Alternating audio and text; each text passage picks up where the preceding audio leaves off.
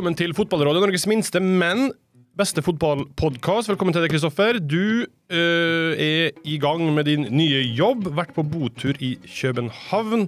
Hva har vært mest krevende så langt? Desidert mest krevende var den lørdagen etter båtturen. Ja.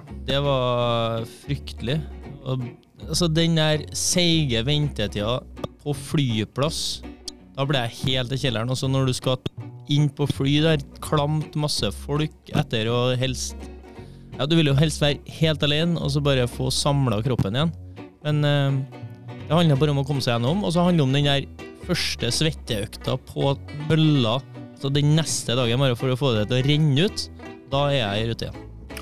Eh, bra. Eh, du er i rute. Velkommen skal du være. Pål André, eh, vi er i studio klokka 09.00, for du skal på trening. Eh, men jeg trodde du hadde lagt opp. Jo, jo. Men uh, først er jo kontrakt ut året. Mm. Og så er det jeg, har, jeg må jo trene, hvis ikke så vet jeg sjøl at jeg blåser opp som en badeball. Så at, uh, da er det mye artigere å få være med på fellestreninga enn at uh, jeg må begynne å gjøre jobben helt alene allerede. Så da hiver jeg meg med guttene uh, fram til vi drar på botur på fredag. Eh, hvor, eh, hvor mye har du tenkt på akkurat det? Det å liksom beholde en slags fysisk OK form etter karriereslutt? Nei, ikke noe, noe spesielt. Jeg vet at jeg, hodet mitt har godt av å røre seg, så jeg regner med at det gjør jeg greit. Så reflekterte jeg litt over det. Jeg hadde løpeøkt et par uker før slutt, og da tenkte jeg at du, det her skal jeg bare gjøre hver dag. Så lenge jeg ikke har sånn, er bakfugl eller det er noe sånn eh, ytterligere påvirkninger som gjør at jeg ikke klarer det. Men på en normal dag så skal jeg klare å blæse opp meg gjennom med løpeøkt uansett. Eh, bra, velkommen skal du være. Velkommen nå til deg, Jonathan Tollos Nation. Eh, jeg ser for meg at du har ikke den fysiske egenskapen å blæse opp som en badeball. Du er sikkert uh, lettrent, og ei løpeøkt, så er du liksom ned i matchvekt igjen. Ja, da har ikke du sett faren min. Jeg, skal love, jeg, skal love, jeg skal love det. Lover at jeg har gener som altså Jeg kan se på ei brødskive, så bare ser jeg magen bula ut. Så jeg har absolutt gode planer lagt eh, Jeg føler nesten uansett hvor jeg er nå, så prater jeg liksom om padel.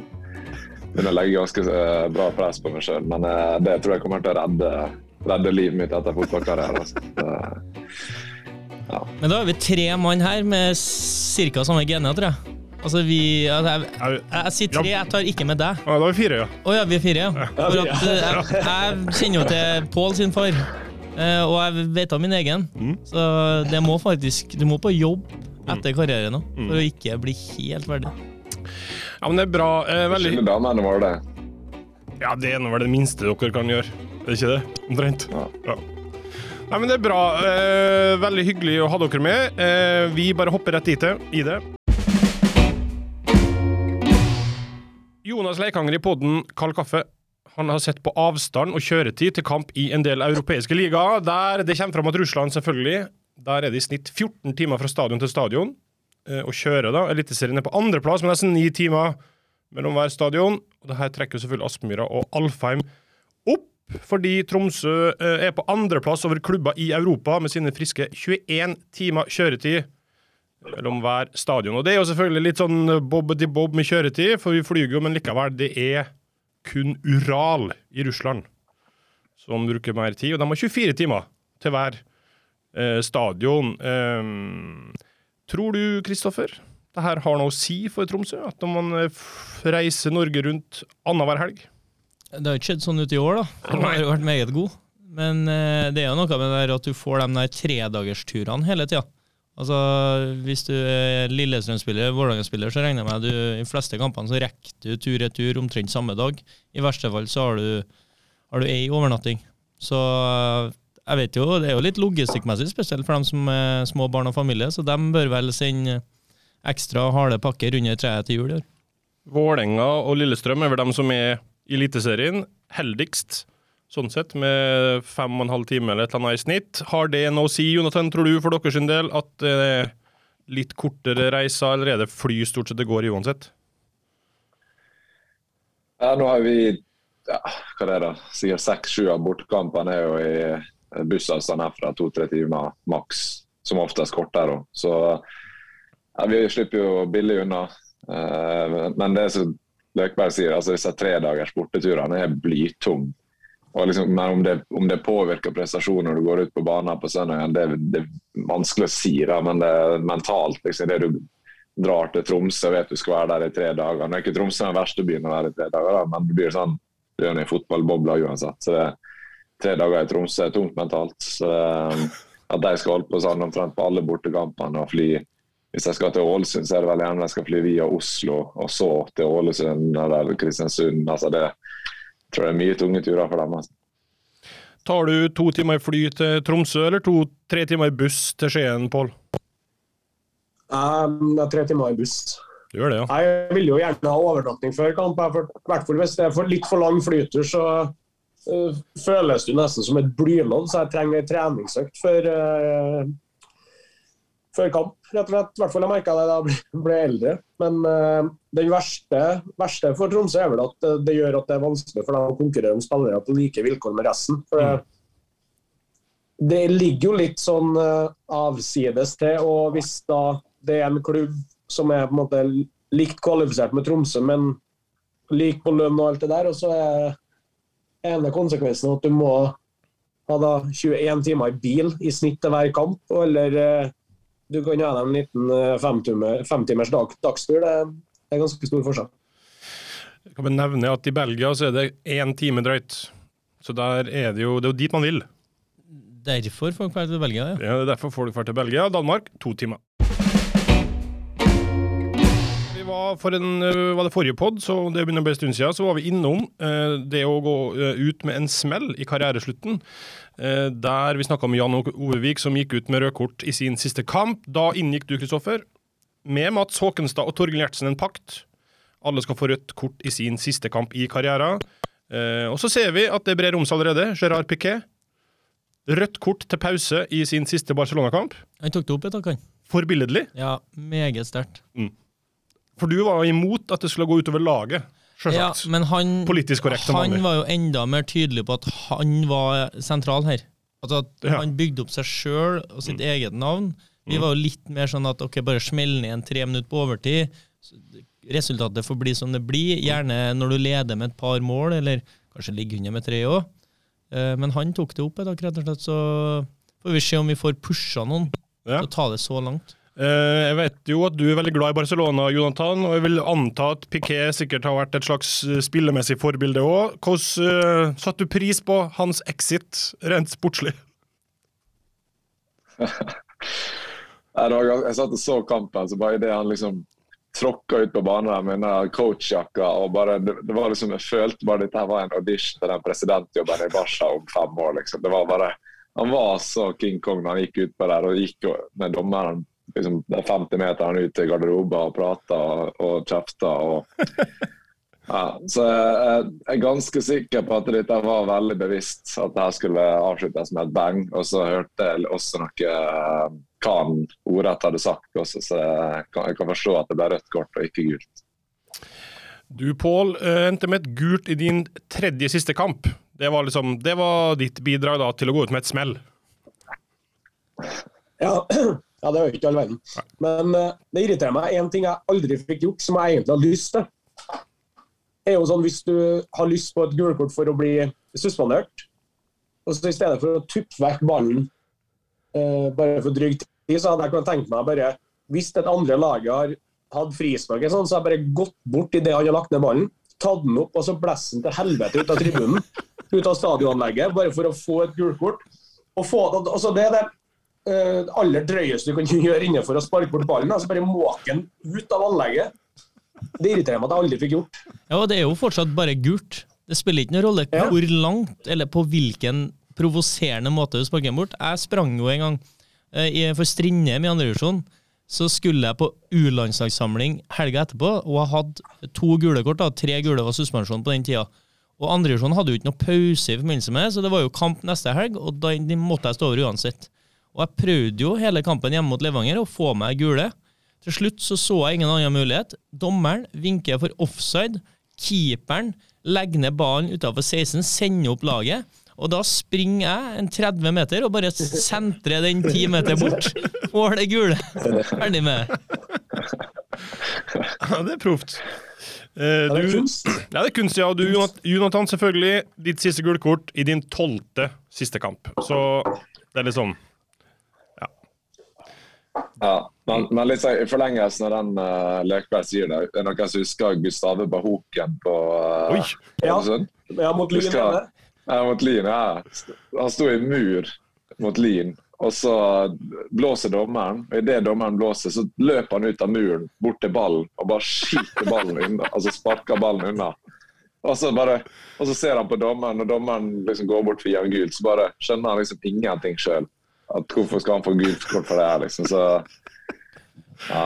Men trodde han da at Det er YouTube-moment. Trodde han da at ballen var i spill med en gang dommeren blest? Var han, var han på det nivået, eller var det hodemist? Jeg vet ikke. Jeg vet ikke, Det var året før jeg kom opp, så jeg fikk aldri spurt han om det. faktisk. Nei. Det, hadde vært, det, det burde vi nesten prøvd å få Ja, tak i, en Gustave. Ring Gustave Ja. Bahoken. Ny spalte. Ja. Vi må en snartur innom VM, der det har vært uh, spilt noen kamper. I går så skulle flere lag uh, spille i et uh, regnbuefarga, eller i hvert fall nesten regnbuefarga kapteinspinn. Det ble ikke noe av, fordi Fifa trua med uh, sanksjoner, gulkort, direkte hvis man gjorde det. Uh, så da droppa kapteineren å gjøre det, Kristoffer. Hva tenker du? Var det greit eh, å droppe det da, eller skulle man stått i det? Jeg skjønner jo at de dropper, for at eh, du kan bare få to gule i VM, så må du stå over. Så se for deg England, da, Harry Kane f.eks., som hadde fått det her. Og så i kvartfinalen, de er i ferd med å gå videre, og så er han oppe i en hodeduell, litt uheldig, og så får han sitt andre gule for en albue. Og der mister jo dem da en kjempemulighet i neste kamp til å komme seg helt til finalen. Og, og da er jo ikke bare han personlig som mister det her, men det er jo en hel tropp på 25 mann som tar konsekvensen av at han gjør det. Selvfølgelig, det har vært helt fantastisk å ha gjort det, og det har vært enda mer spennende å skjedd faktisk om dommeren har dratt opp det gule kortet eller ikke, for det er jo ingen regel som tilsier at du kan gjøre det. Og da hadde jo presset på Fifa og Qatar blitt bare enda større, for da måtte det jo vært noe press inn mot dommerne i tillegg i det bildet her. Men jeg er jo nesten litt sånn, jeg sitter igjen og er glad for at det her kom opp og ble en sak, for at de, de er så dum i Fifa. De jobber så hardt mot seg sjøl med alt det de klarer å skape nå under mesterskapet. Allerede etter to dager. Så det presset bare øker. Jeg kan ikke skjønne at det ikke også øker innenfra av dem som jobber der. Så, så de gjør alt de kan nå for å holde det her presset i live, istedenfor at de kunne ha malt et glansbilde som egentlig er poenget med det de prøver å gjøre, da. Men de jobber jo imot seg sjøl. Hva tenker dere to, Jonathan? Du er kaptein sjøl. Hvis man greier å sette seg inn i situasjonen sjøl, hva burde man ha gjort? Nei, jeg, jeg syns det er vanskelig. Litt sånn Du gått du går liksom fire år og venter på å gjøre det klart til VM. Du har lyst til å være med og bidra til å vinne, eller uh, i hvert fall gjøre det så bra som mulig. Og så skal spillerne på en måte ta den byrden sjøl. Og, og, altså, når du vet at det er gult kort, og taper det kapteinspinnet og får det gule kortet det, jeg, synes jeg kan forstå veldig, veldig godt at jeg ikke gjør det. Selv om selvfølgelig det hadde vært liksom bare enda mer respekt den kapteinen som hadde gjort det. Men uh, jeg skjønner veldig godt at de la være når det ble som det ble. Det kommer jo en helt åpenbar mulighet. For mest sannsynlig så er noen av de lagene ut av allerede før siste gruppespillkamp. Og da kommer man jo til dekka bord som kaptein, så da er det jo bare å peise på seg eh, nei, peise på seg eh, kapteinspinnet og ta gulkortet. Alternativ to er jo at de hadde smelt dette kapteinspinnet på en assistenttrener eller en i teamet som har stått inn fram i teknisk sone i starten på kampen, bare for å da garantert fått veldig mye TV-tid. Så det hadde vært mulig å løse det selv uten at det måtte eh, eh, at eller at spillerne har eh, måttet starte kampen med et gult. Eh, jeg så Roy Keane mente eh, at eh, Han mente at han burde ha stått i det, tatt det gulkortet. Hvis man virkelig står for det her, så gjør man det, og så er man på en måte ferdig med det, og så resterende kamper er på en måte i hermetegn ryggen fri, da. Eh, er det ikke å hvis, Altså, Kan man ikke se den logikken litt prinsipielt, hvis det faktisk betyr så mye, Jo, som man gir uttrykk for at det gjør?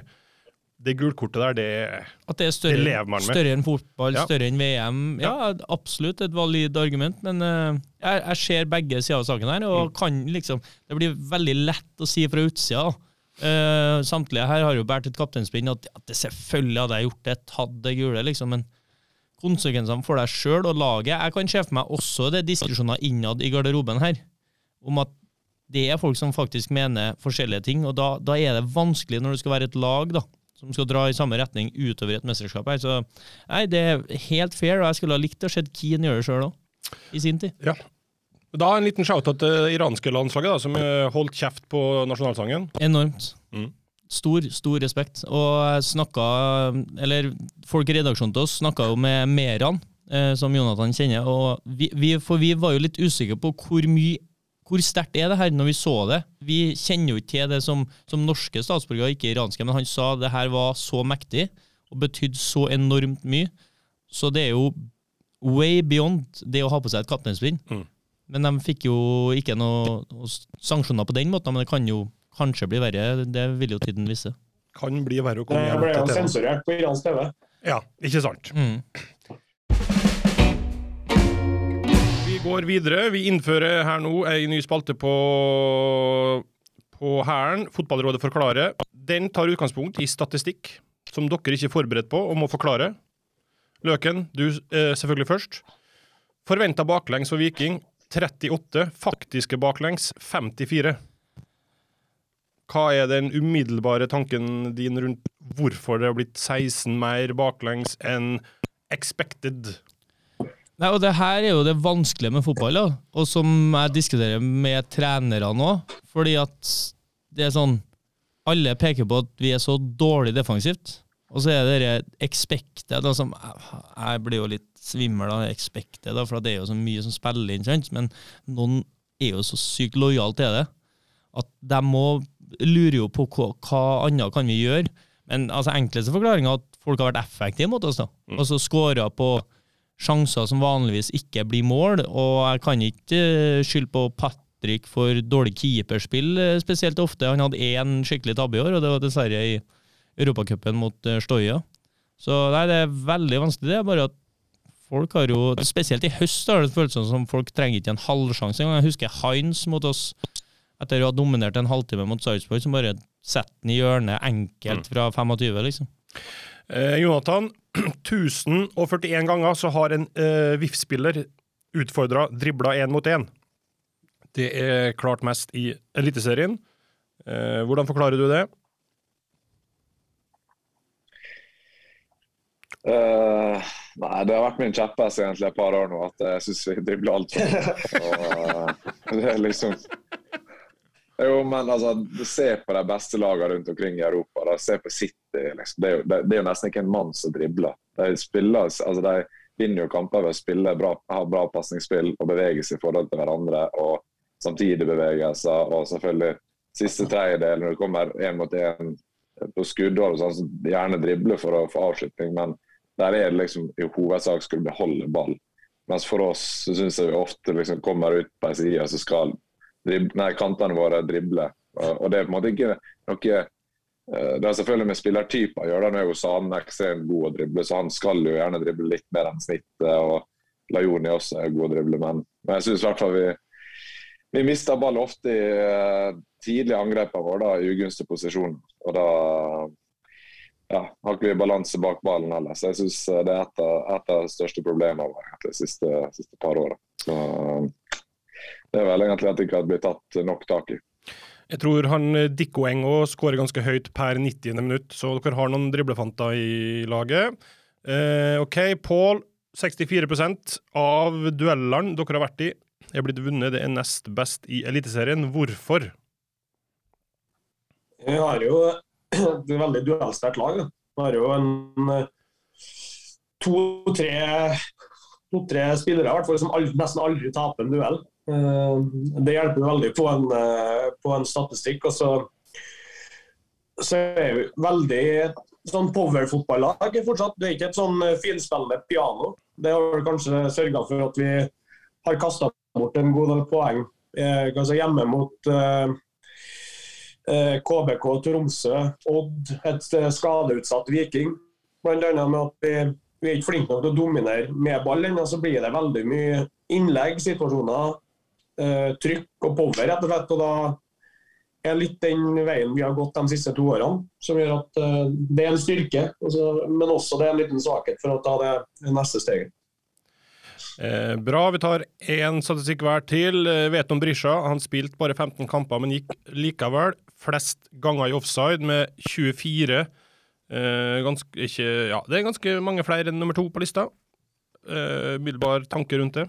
Nei, altså Fyren har jo mellom 25 og 35 sprinter i løpet av en kamp. da. Det er jo ekstremt uh, høye tall.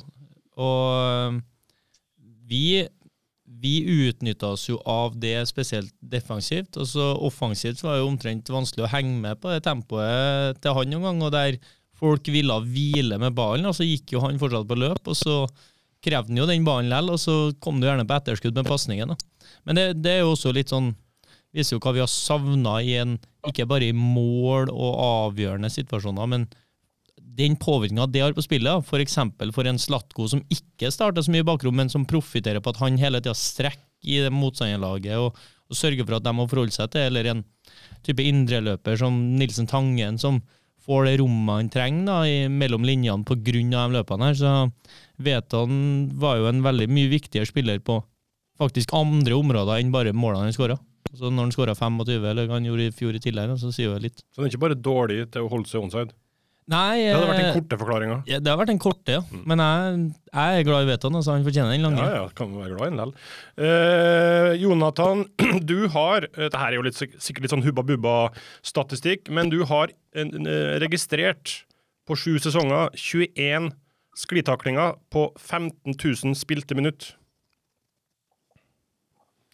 Eh, til sammenligning så har Pål André 43 på halvparten spilte minutt. Løken 71 på halvparten spilte minutt. Sklitakling, det er ikke ditt Det er ikke en del av ditt spill? Nei, faktisk ikke. Eller faktisk ikke, det er åpenbart. Men uh, nei, jeg har aldri vært særlig glad i sklitakle. Eller det vil si Jeg vet ikke, bare det veldig mye til før jeg velger å liksom gå ned og, og takle. Da, for jeg vet hvis jeg går ned og takler og misser Det er litt sånn selvfølgelig for Pål og Løkberg spiller litt lenger fram i banen, så kan du konsekvenser av å misse en takling er ikke så stor. Så hvis jeg går ned og sklir og misser på den, så er jeg på en måte der gjerne alene med keeper. Mens hvis jeg holder meg på beina og blir dribla én gang, så kan jeg på en måte komme på rett side igjen og kanskje bli dribla en gang til og, eller vinne ball. Så det er litt sånn risikovurdering i det, i tillegg til at uh, ja, det, er, det, er, litt sånn, Man sier vel at hvis man skal ned og sklitak, så har man mest sannsynlig gjort en feil et uh, par sekunder i forkant. Det er noe stolt, stolthet inne i bildet her. Ja, uh, Strandberg har like mange sklitaklinger som det i år. Dere har tre hver, så det er jo ikke sinnssyke tall. Men han har vel heller ikke spilt i nærheten av like mye som det i år. Så det, noe, det, ligger noe greier her. Det er jo en hyllestatistikk, egentlig. Ja, det er jo egentlig det. Ja, det var som Rio Ferdinand som ikke laga et frispark på ti sesonger, omtrent. Eh, bra. Til slutt, eh, Pål. En, Frid, eh, nei, en Holmbert Fridjonsson. Han lager flest frispark per 90. minutt i Eliteserien. Ja, det er ikke så voldsomt overraskende. Det Er ingenting han elsker mer enn når det er eh, oddetall på trening og Frode Kippen må snørre på seg skoene, så får han stå og bryte og liksom stå og tjafse med han på trening. Så nei, Holmert er jo eh, to meter og sterk som et fjell. Og så én kanskje ikke den raskeste, verken i oppfattelsen eller eh, fysisk, og da hamrer han inn i folk.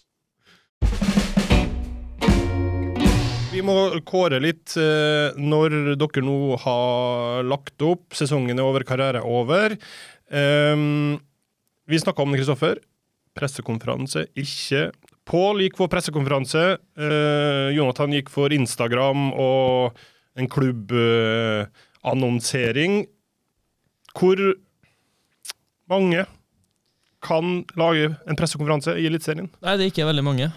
Det er Veldig, veldig få. Men Pål er faktisk en av dem som jeg ville ha lagt inn i kategorien som kan gjøre det, og som jeg ja, mest sannsynlig hadde verdi av å gjøre det.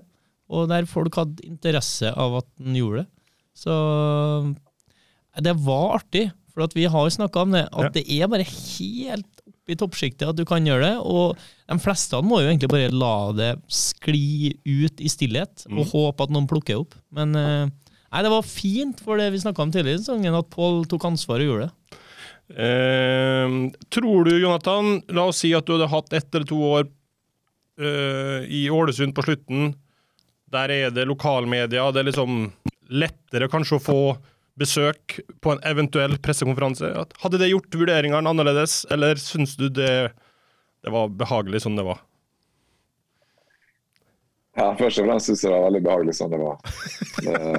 Jeg, vet ikke, jeg vet ikke om det var Pål sjøl som tok initiativ til det, eller om det var klubben eller liksom press fra media om at de ville det. Men jeg, jeg tror i hvert fall jeg ville nok ikke, jeg hadde ikke tatt initiativ til det. Men det er klart, hvis klubben ville lage en stor greie ut av at jeg legger opp, så er det hyggelig. det, det og Man blir satt pris på, og man skjønner på en måte at det, det betyr noe. Så, så det er fint, det. Men jeg, jeg syns det var veldig behagelig å bare legge ut en post på Instagram og så få et par intervjuer med VIF.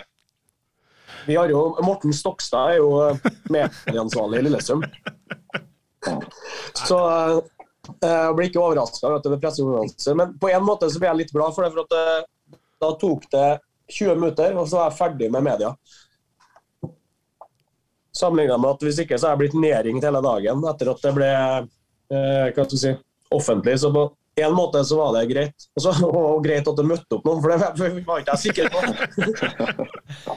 Det er der vi skal utfordre en litt mindre profilert en. Ja. Se om det kanskje bare han klubbansatte som dukker opp. Ja. Kjører én til én. Eh, bra. Eh, nå skulle egentlig Mikke Karlsen vært med oss òg. Eh, han kunne dessverre ikke. Eh, der ble det ikke noe pressekonferanse. Eh, det ble en Instagram-post der òg. Litt, litt mindre Instagram-post enn med Jonathan. Det ble ikke noe klubb. Nei, eller husker jeg nei, det var noe takking fra deg, men det var ikke en den klubbvideoen, nei. Nei. Så det er jo en fin sånn rangering her, uten, altså, uten å fornærme Mikke. Men det Mikke fikk, som var veldig fint, var et sånn profilintervju Mm. i Nidaros, tror jeg det var. Ja. Så, og det Kjempefint intervju, som han kledde veldig godt. Eh, og Mikke er vel kanskje den av de tre som er nærmest å trappe ned, Ja, og ikke det, legge opp. det er riktig. Eh, bra. OK, la oss skumme gjennom noen kategorier her jeg har eh, kommet på. Og så Nå, se. nå har jeg litt insight. Nå, men da, nå kan vi, apropos Mikke Karlsen, før du går videre. Sorry, Vegard. Nei, det er veldig bra, det. Så, så vet jeg at Mikke Karlsen har fått tilbud om å bli spillende eh, assistenttrener med eh, hovedansvar for å trene bygruppa til Kiel Hemne i fjerdedivisjon. For pappa er hovedtrener og har base i, på Kyrksæterøra. Og har kontakta Mikke til å liksom ta ansvar for den gjengen som trener i Trondheim. Eh, umiddelbare tanker rundt det her først fra det, Pål. Ja, nei, eh, Det hadde jo vært stort å se Mikke Karlsen i grønt og hvitt. Det- Og så vet jeg at da vil jo han dra i noen tråder. så vil, eh, Det er en del kompiser han har lyst til å ha med seg på laget for å gjøre det sosialt og fint. Jeg vet at den bygruppa der har hatt eh, et veldig godt miljø, sosialt og fint. Kanskje har det blitt noen varianter på torsdag etter trening, hvem vet. Eh, Og så er det jo interessant å se om treneren Mikke Karlsen, hvordan det har vært. Men mm. det vet vel Løken like mye om som meg. Ja, Kristoffer? Treneren Mikke Karlsen hadde lagt om til veldig høy grad av trivsel. Altså, her er økta til Mikke. Det er ikke oppvarming. Rett i firkant. Og så kanskje en avslutningsøvelse, der han sjøl kan få stå i ro på 20 meter og klaske til på volley.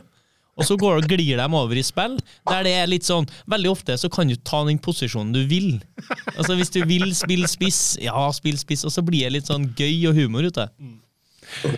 Uh, hva høres det her ut som et opplegg uh, senior Helland kunne vært uh, fornøyd med? At Mikke hadde styrt? Ja. Ja. Han er ikke- går ikke av banen for at det skal være god stemning i laget han trener han der. Så, men selv om han, han er kanskje litt sånn eh, eggensk eh, og litt gammeldags i si, tankegangen med at uh, han vil ha litt uh, kanskje flere meter i løpet av en trening enn jeg kanskje Mikke ville ha lagt opp til. Det er jo ganske mange som ville, antagelig. da. Det blir ikke GPS på til Mikke. Det blir ikke GPS, nei.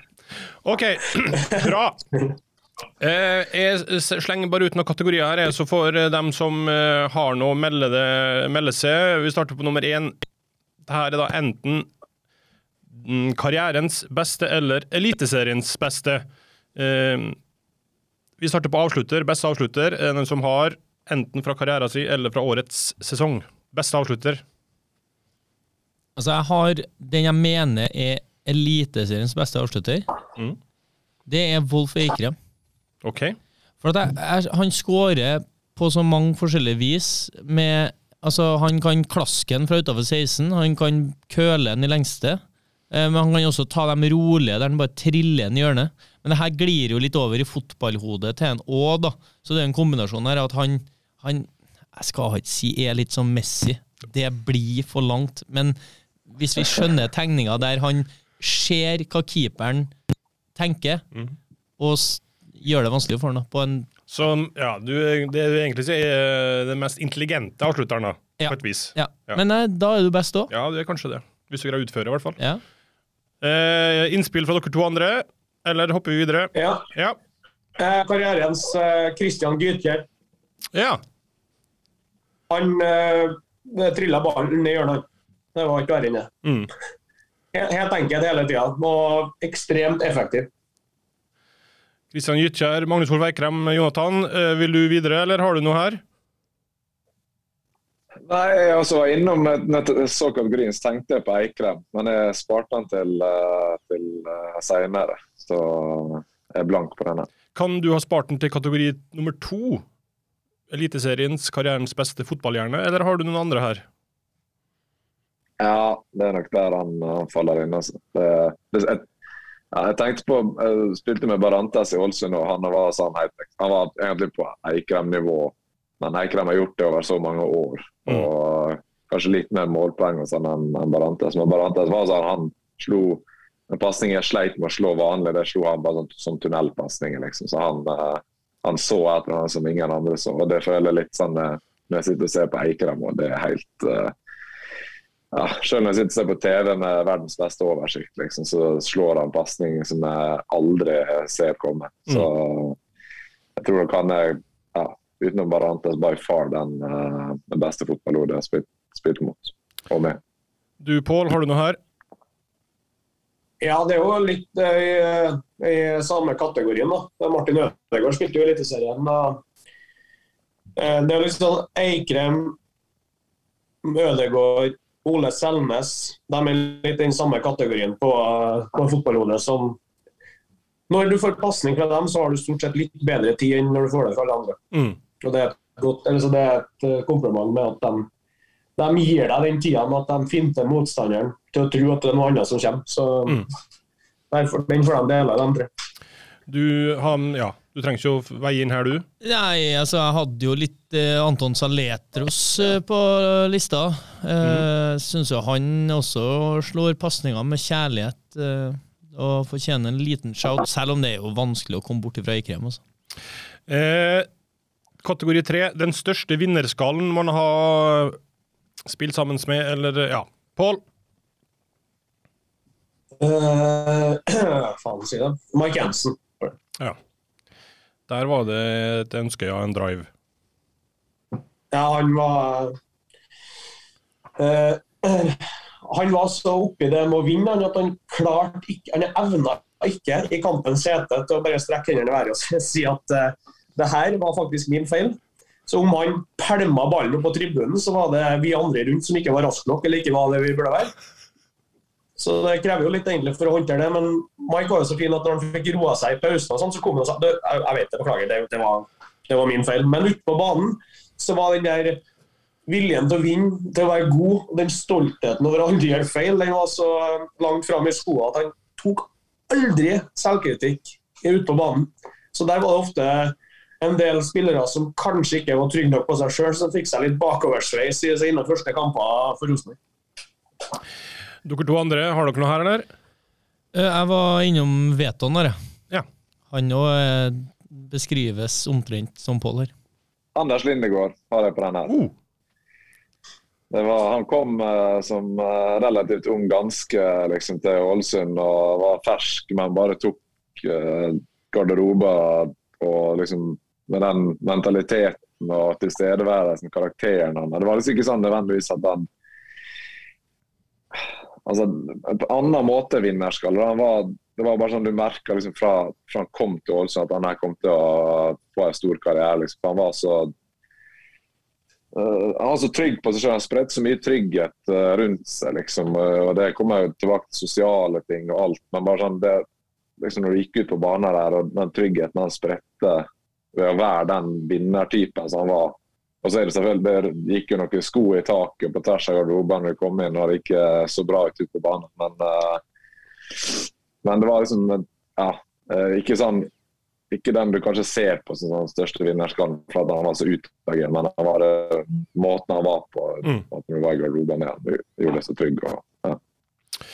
bra. Eh, neste er kanskje litt likt, jeg vet ikke om vi skal ta med det, men det er den mest kyniske. Er det egentlig samme fyren? Det kan ofte være det. Kan ofte være det. Vi går heller til Nei, nei, den vil jeg, den vil jeg Oh, ja. Det er bra. Eh, Fordi eh, den mest kyniske, det tror jeg faktisk er Løken. Ja. Og det, han er så kynisk han at om, eh, da vi var yngre og spilte Fifa-turneringer, så drev han og eh, pælma ballen opp på tribunen og leda der til meg. Jeg ville ha- la han passe da, for jeg ville ikke ha opp sånne. Jeg, jeg drev jo i Heimdal Indoor og skjøt ballen mot svingdøra på slutten av kampen. For at de stoppa, ikke klokka, så hvis den havna der, så I svingdøra. ja. Ja, det er klasse. Det hylles. Um, elite, eller ja, karrierens mest, eller største ulv i fåreklær. Jeg, jeg, jeg, jeg klarte ikke å gi noen den. Uh, Det kan jo tolkes helt forferdelig. Ja, ja. Det, her tror jeg plutselig at det er noe sånn uh, Kan potensielt være samlivsbrudd, så den må jo bare snu. Ja, Okay. jeg tenkte det samme. ja. Uh, hva da med den mest undervurderte? Er det noe der? Jeg har en i Ja, Eliteserien. da. det, Mm. Eh, Filip Jørgensen. Ja. Så jeg syns han er en meget uh, god spiller. Klok, eh, kan bekle mange forskjellige posisjoner, har gjort det for Odd i år.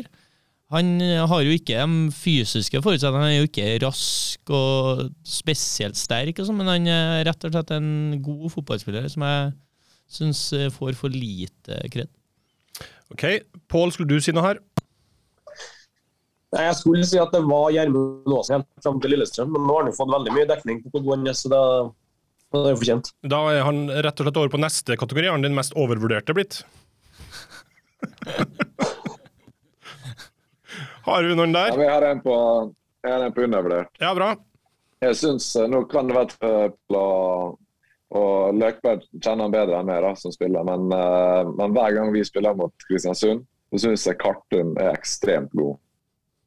Eh, jeg, jeg skjønner ikke hva han gjør, og så er han litt sånn til og med litt ut og inn av det Kristiansund-laget til tider, og har vært det i sesongen nå. så han, eh, Det kan være et eller annet jeg ikke ser. for at eh, Jeg ser Kristiansund så ofte når det, utenom når vi spiller mot dem. Men når vi spiller mot dem, så har han vært påskudd påskrudd og vanvittig god. Så eh, for meg så er han veldig undervurdert. Det kan støttes. Ja. Godt innspill. Ja. Eh, bra. Eh, noen som har lyst til å prøve seg på en overvurdert? Eller blir det jo bli litt for hardt?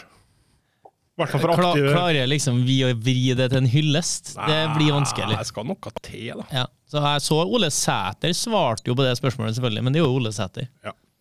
Det er sant. Hva svarte han seg sjøl? Nei, han måtte jo Han svarte jo da Slatko Tripic. For at de er jo ikke uh, Slat, Slatko og Rosenborg er jo ikke bestevenner, for å si det mildt. Eliteserien, eh, eller karrierens mest irriterende ekspert?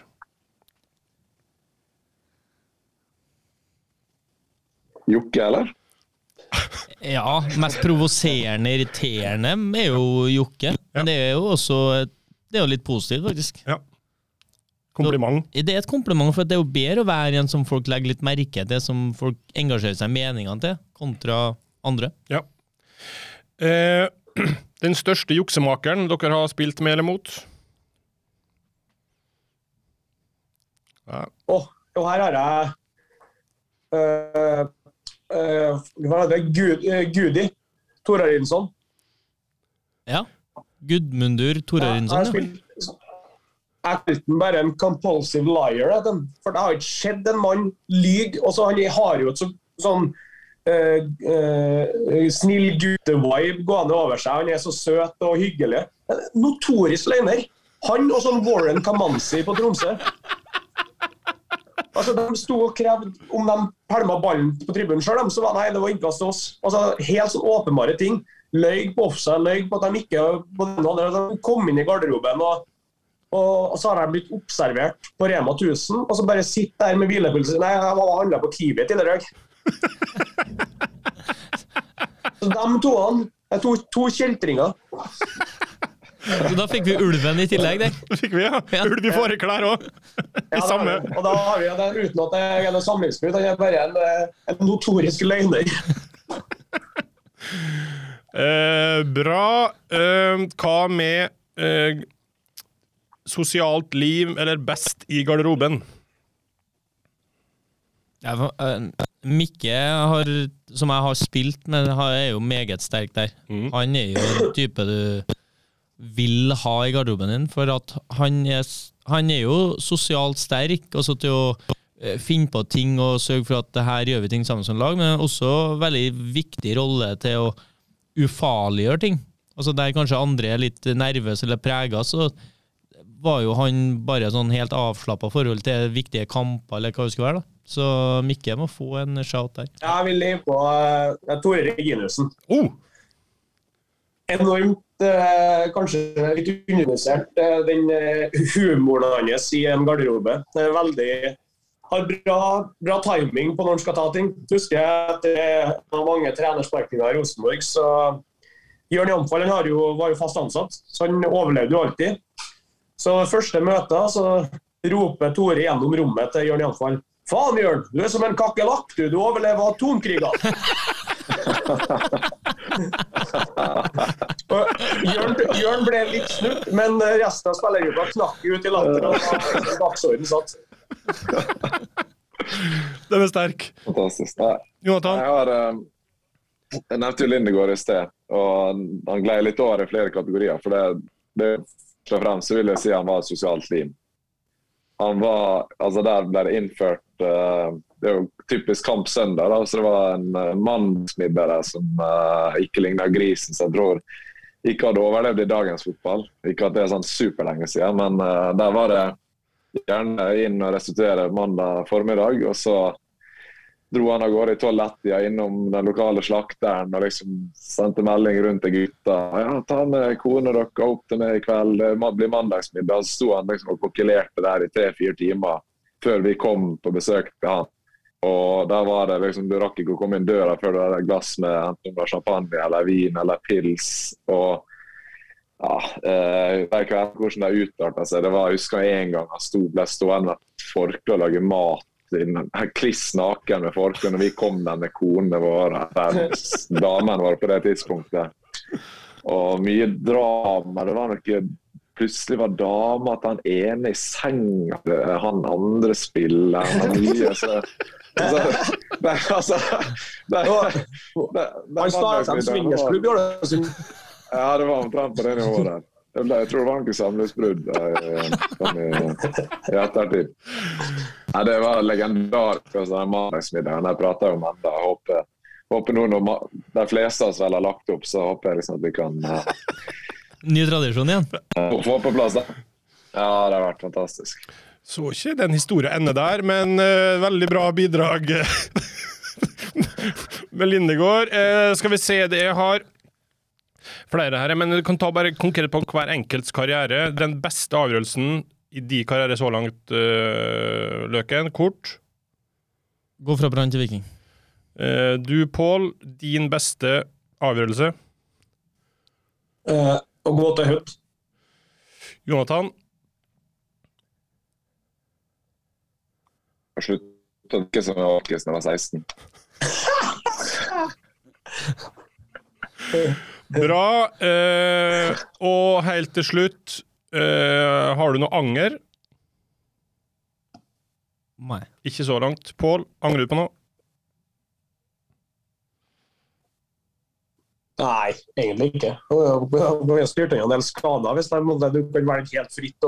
Men bortsett fra det, så er det fint, det. Joggeturen i Kjøben det, det året, eller var det London, når du så feil vei når du jogga over eh, veien?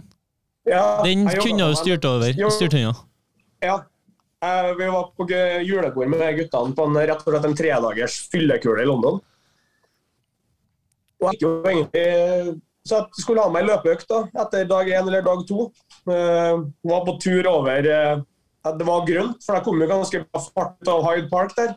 Så var det grønt, men så var det kun grønt inn til sånn midtøy uh, mellom veiene. Og jeg dura jo over på nesten sånn tofelts på, si, på Paddington-sida, og der kom bilene imot meg i huet hans. Jeg måtte jo virkelig bare bråakselere, og der satt det faen meg en liten luring i leggen. Og så, sånn at jeg gikk, gikk inn i Møtte opp i preseason med en strekk i leggen etter at jeg i bakfylla i London hadde med en løpetur, så da var ikke de helt happy. eh, Godeste Svabe. Han mente at jeg kunne ha styrt unna den, den løpeøkta vi alltid skulle ha fått klart tatt igjen. Des légumes, des légumes, des légumes, mon cher, le secret de la longévité. Des légumes, des légumes. Des légumes, des légumes,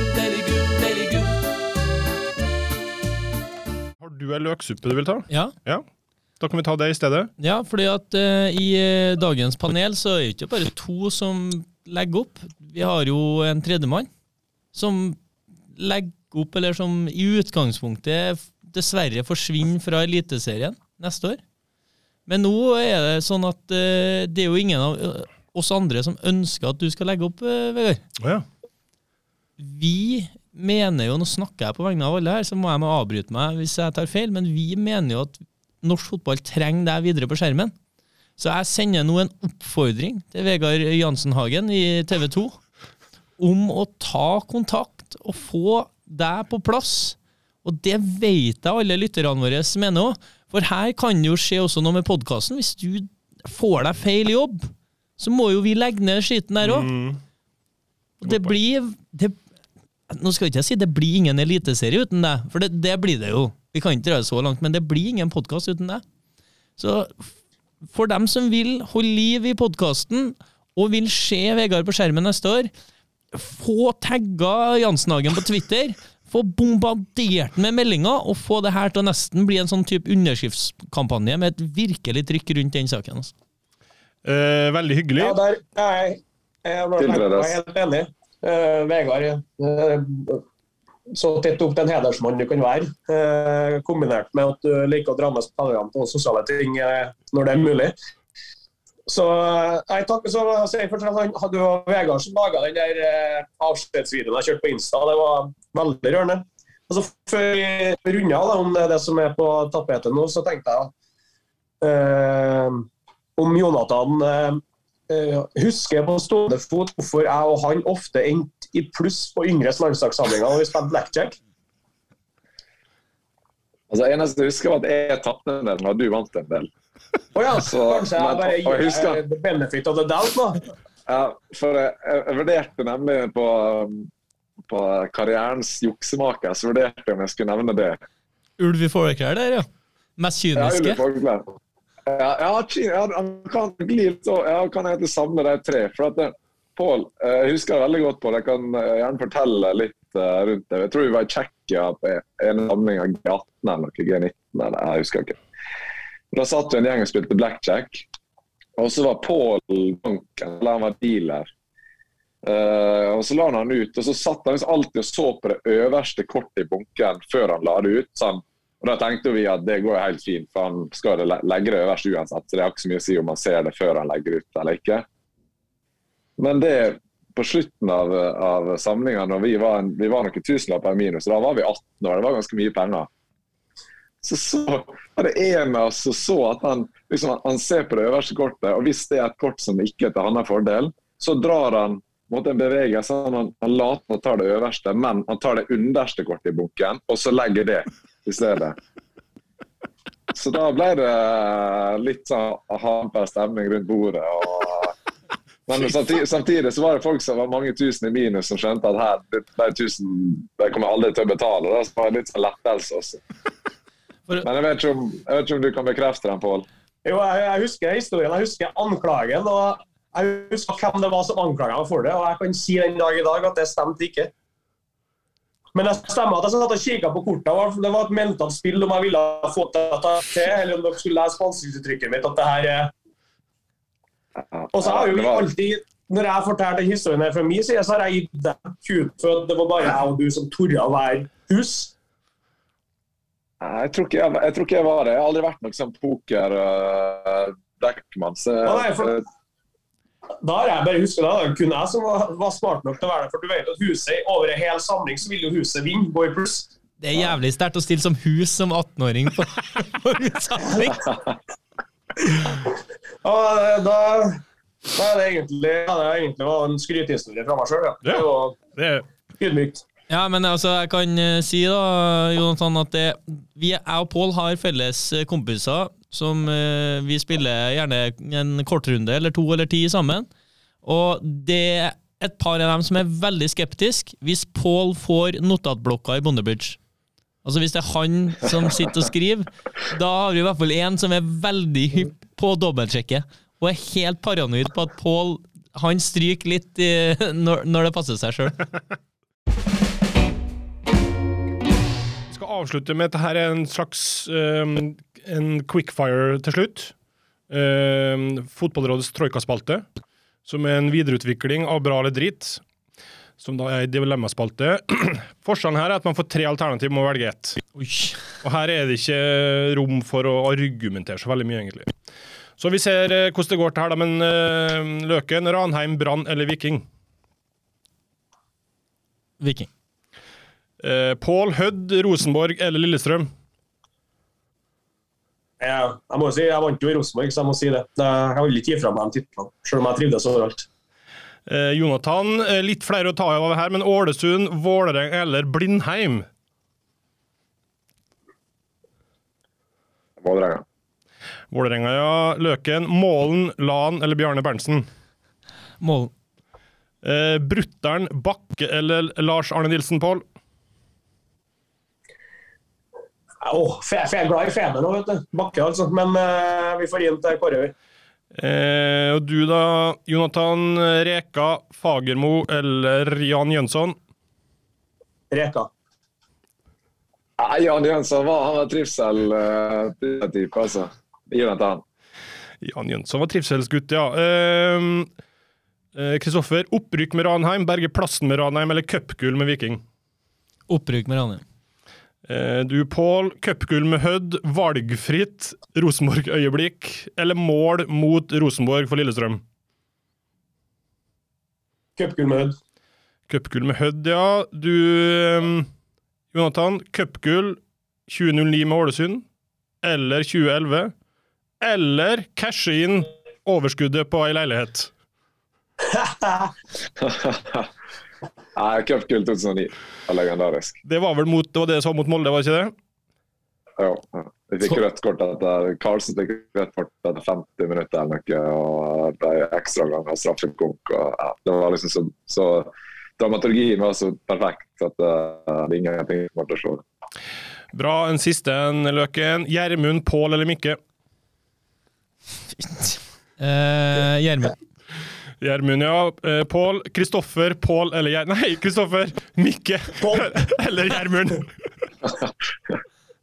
Åh, jeg må si Åsen, da.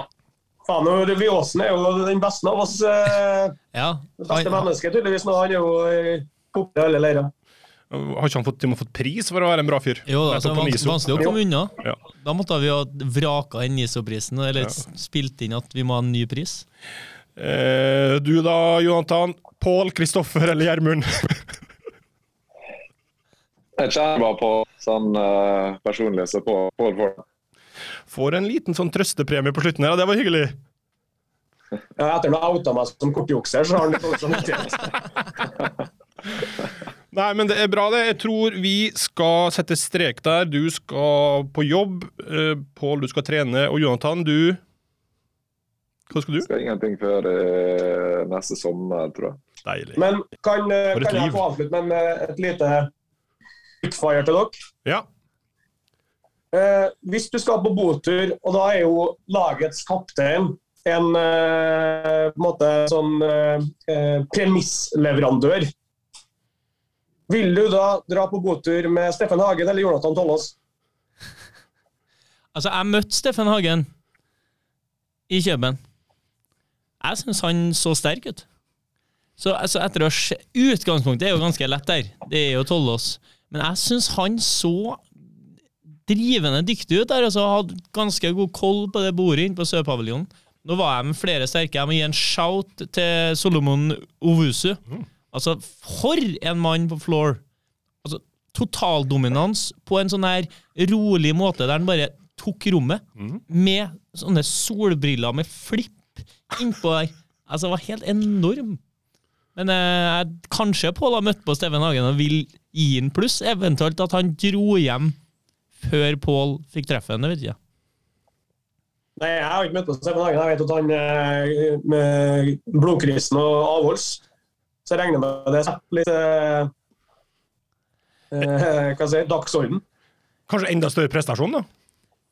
Ja, at han i hele tatt var innpå der. Ja. Ja, men, Men det, det, jeg må Det er en verdig avslutning. Uh, Steffen Hagen er en hykler som deltar i sosiale lag fordi at han er kristen uh, og ikke drikker alkohol. Der tror jeg vi setter eh, punktum. Det passer veldig bra. Tusen takk for at du var med, Jonathan. Uh, takk til det, Pål. Og det, Kristoffer. Dette her er vel mest sannsynlig den siste i år, eller? Ja, sesongavslutning. For vi har jo også initiert et julebord. Ja. Og jeg vet jo hvordan det er på arbeidsplassene nå. Etter julebord så er det juleferie. Og da er det bare å la det gli ut. Og så håper jeg jo at vi ses igjen neste år. Absolutt. Det er planen, det. Det er planen. Bra. Tusen takk til alle som har hørt på oss i år. Det har vært veldig gøy. Og så høres vi igjen neste år.